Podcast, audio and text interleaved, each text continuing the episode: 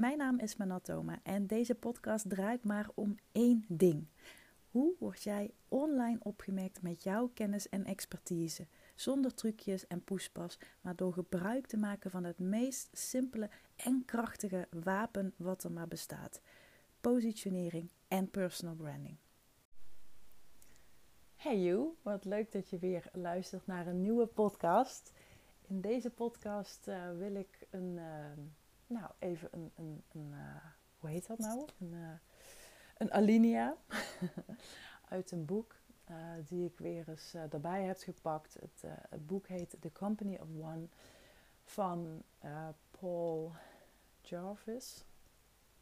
Dat is een boek die ik jaren geleden al las. Vrijwel in het, nou niet helemaal in het begin, maar wel toen ik het omslagpunt ging maken van het grafische naar uh, meer de, de, de, de, strategische pet opzetten van uh, het stukje positioneren en, en alles wat daarbij kwam kijken. Dus ik zat toen heel erg op dat omslagpunt van herpositioneren. Ik wilde letterlijk een ander aanbod ontwikkelen. Ik wilde me op een andere klant gaan richten. En ik wilde dus ook alles gaan aanpassen en aanscherpen wat daarmee van doen had. En ik ben toen heel veel boeken gaan lezen en, en ook wat cursussen gevolgd en naar YouTube-video's gekeken. En nou, wat je dan ook maar allemaal doet om dat uh, in gang te zetten en om dat in goede banen te leiden, zodat het ook natuurlijk naar buiten toe goed uit de verf komt. En een van die boeken die ik toen las en die heel erg met mij uh, resoneerde, was dus het boek The Company of One. En waarom, waarom vind ik dat zo'n interessant boek? Het, um, nou, het is een boek wat, uh, wat heel erg onderstreept waar ik ook voor sta en waar ik ook voor ga. Ik, um, ik denk dat ik daar zo heel erg mijn eigen weg in heb moeten vinden. Ook door schade en schande natuurlijk. Ja, wijs geworden, slim geworden ik heb heel vaak te maken gehad met, um, ja, hoe ga ik dat zeggen?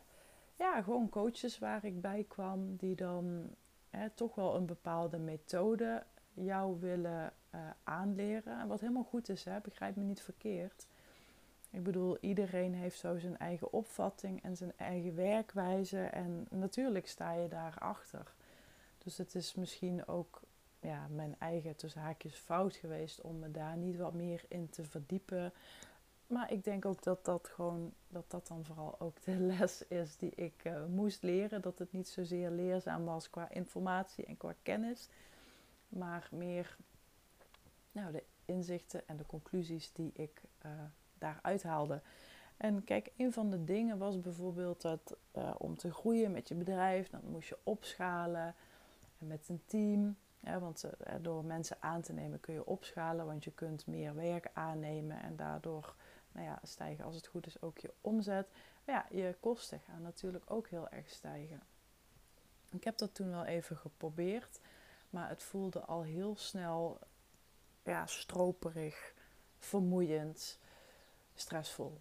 Het is gewoon niet wat bij mij past. Ik uh, wil geen team, ik wil geen personeel. Ik uh, heb het ook gewoon van dichtbij meegemaakt ja, wat, wat personeel doet. En dan bedoel ik het niet negatief, maar dat er echt heel wat bij komt kijken. Waar je, ja, waar je denk ik andere kwaliteiten moet gaan ontwikkelen als ondernemer. En ik ben gewoon heel erg van de ideeën. Ik, uh, uh, ik kan heel snel schakelen. Daarom denk ik dat ik ook daarom ben ik ook gewoon heel erg goed in wat ik doe. Ik zie altijd de missing link. Ik zie altijd wat er ontbreekt. Ik zie altijd wat uh, slimmer kan, wat simpeler kan. Heb ik het niet zozeer over systemen of zo, of ja, de, de, de achterkant van een business, alhoewel ik daar ook um, handig in ben. Ja, ik vind dat ook niet echt rocket science, maar goed, dat is dan uh, ieder voor zich. Maar ik heb het gewoon meer over de voorkant. Ik zie zo vaak mensen met dingen bij mij terechtkomen. En, en dan denk ik, hoe, hoe kun je dit nu niet zien? Want het zijn natuurlijk ook gewoon je eigen blinde vlekken. Maar dat, dat kan ik dus heel snel pakken. En dusdanig in de verf zetten dat, dat het voor jou echt als een accelerator gaat werken. Dus dat het net als pokon voor een plant doet, dat, dat je daarmee echt in een stroomversnelling komt. Dat je het gevoel hebt dat je van houtje touwtje naar ja, gewoon een geolied geheel gaat. En dat heb ik gewoon heel snel door en daar ben ik heel goed in. En in de manager spelen of de, ja, de juf of dat soort dingen, dat past gewoon niet echt goed bij me. En dat heeft er ook voor ja, gezorgd dat ik dat los heb gelaten. Maar dat heeft echt wat voeten in aarde gehad, omdat je wordt natuurlijk zo aan alle kanten bestookt dat je een team moet bouwen, dat je vervangbaar moet zijn.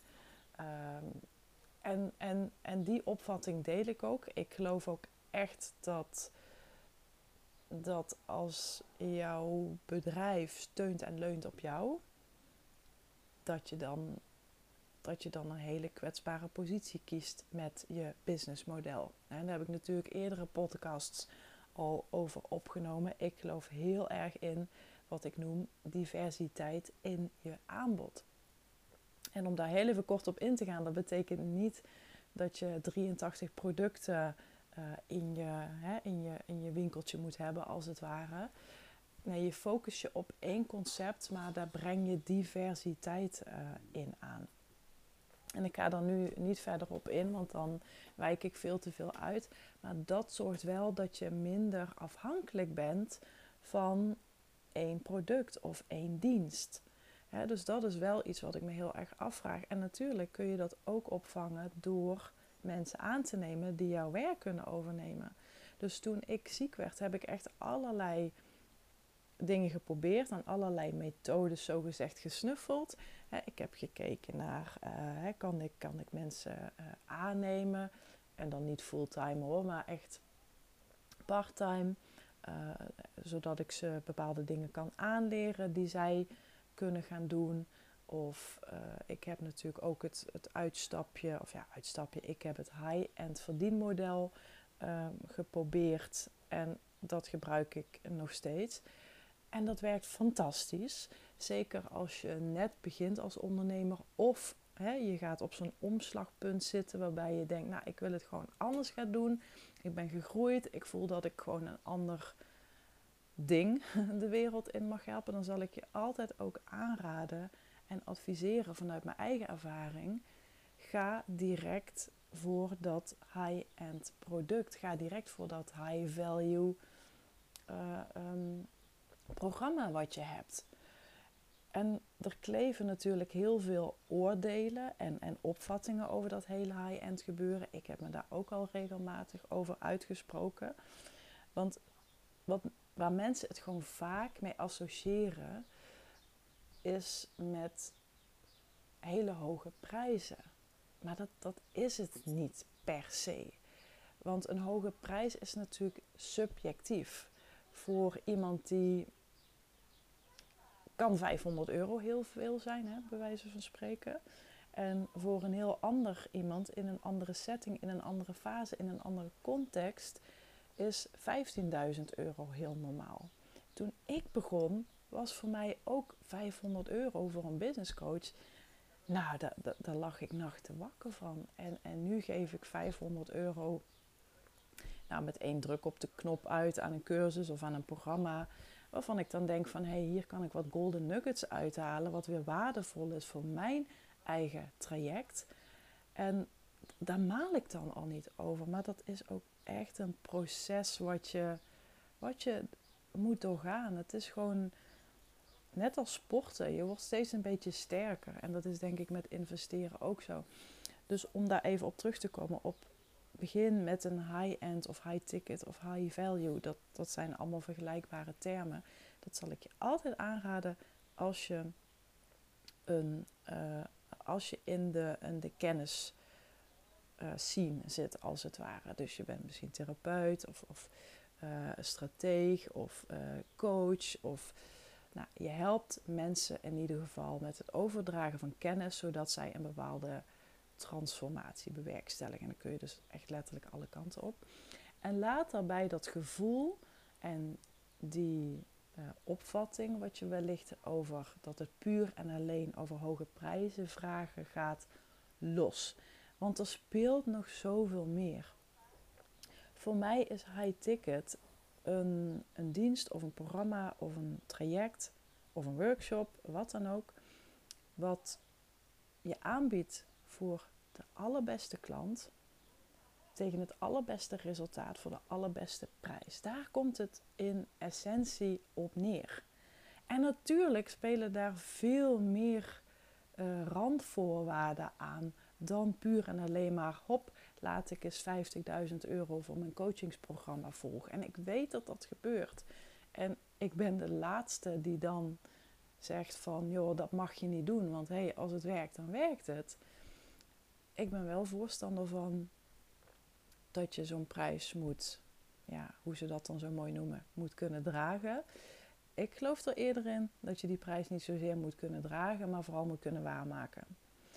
En daar zie je het gewoon steeds vaker misgaan, als ik het dan even netjes mag uitdrukken.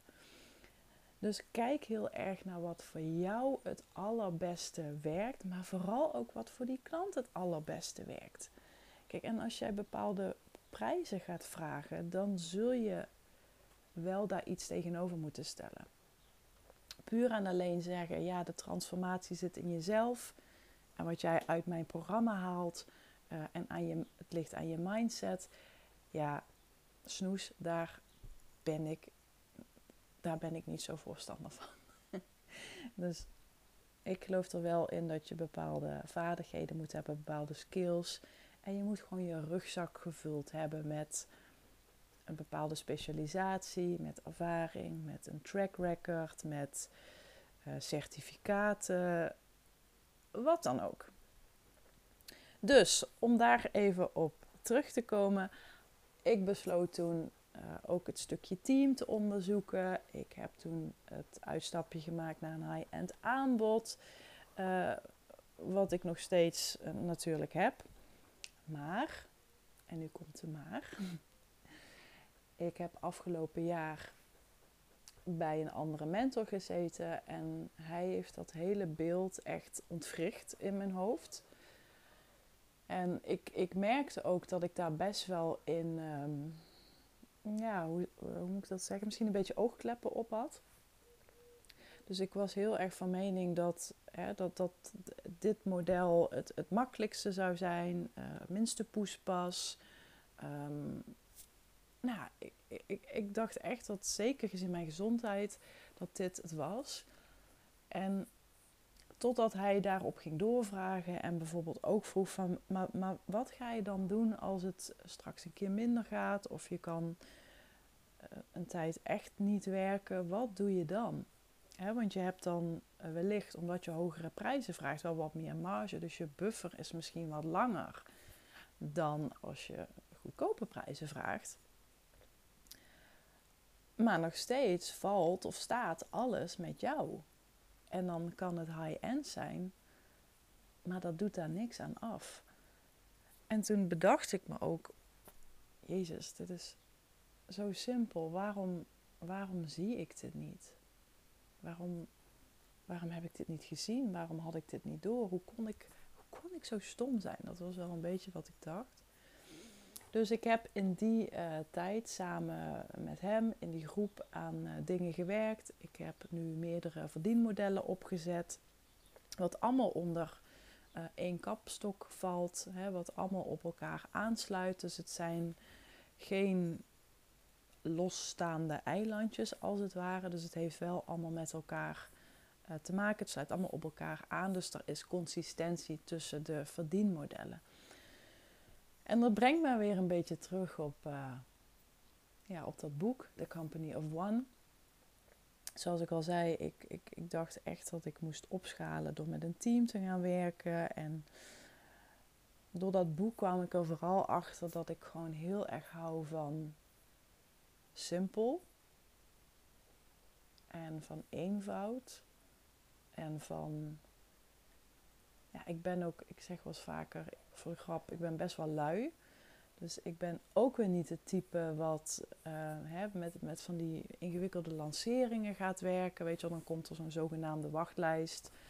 Wat natuurlijk gewoon um, ja, marketing-wise heel slim werkt. Hè? Want daardoor krijgen mensen het idee van, oh, er zijn heel veel mensen. Dus je creëert uh, schaarste en urgentie en dat mensen snel moeten handelen.